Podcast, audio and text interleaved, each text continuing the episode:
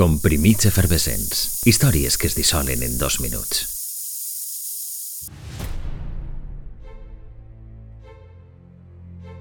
Té capacitat per a transportar un màxim de 853 passatgers.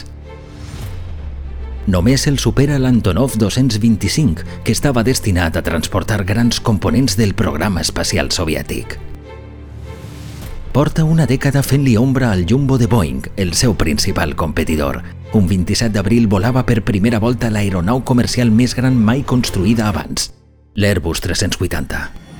Estes 421 tones d'aeronàutica civil s'enlairaren per primera volta des de l'aeroport de Tolosa, a França, la terminal que també va acollir el primer vol del llegendari Concorde. Era la culminació d'un projecte exclusivament europeu en el que col·laboraren diversos estats. A Gran Bretanya es fabricaren les ales, les seccions de fusellatge a Alemanya o la cua i el ventre a Espanya.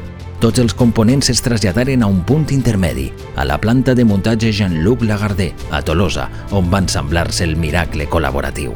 El projecte, secret durant lustres, només tenia un propòsit, descavalcar la nord-americana Boeing amb més passatgers i menor quantitat de combustible. No era fàcil. La joia del fabricant nord-americà, el 747, dominava l'estratosfera des de començaments dels 70 i ja fa anys que treballa per a recuperar el tron. Pot ser, però l'estel de l'Airbus 380 continua solcant el cel des del 27 d'abril de 2005.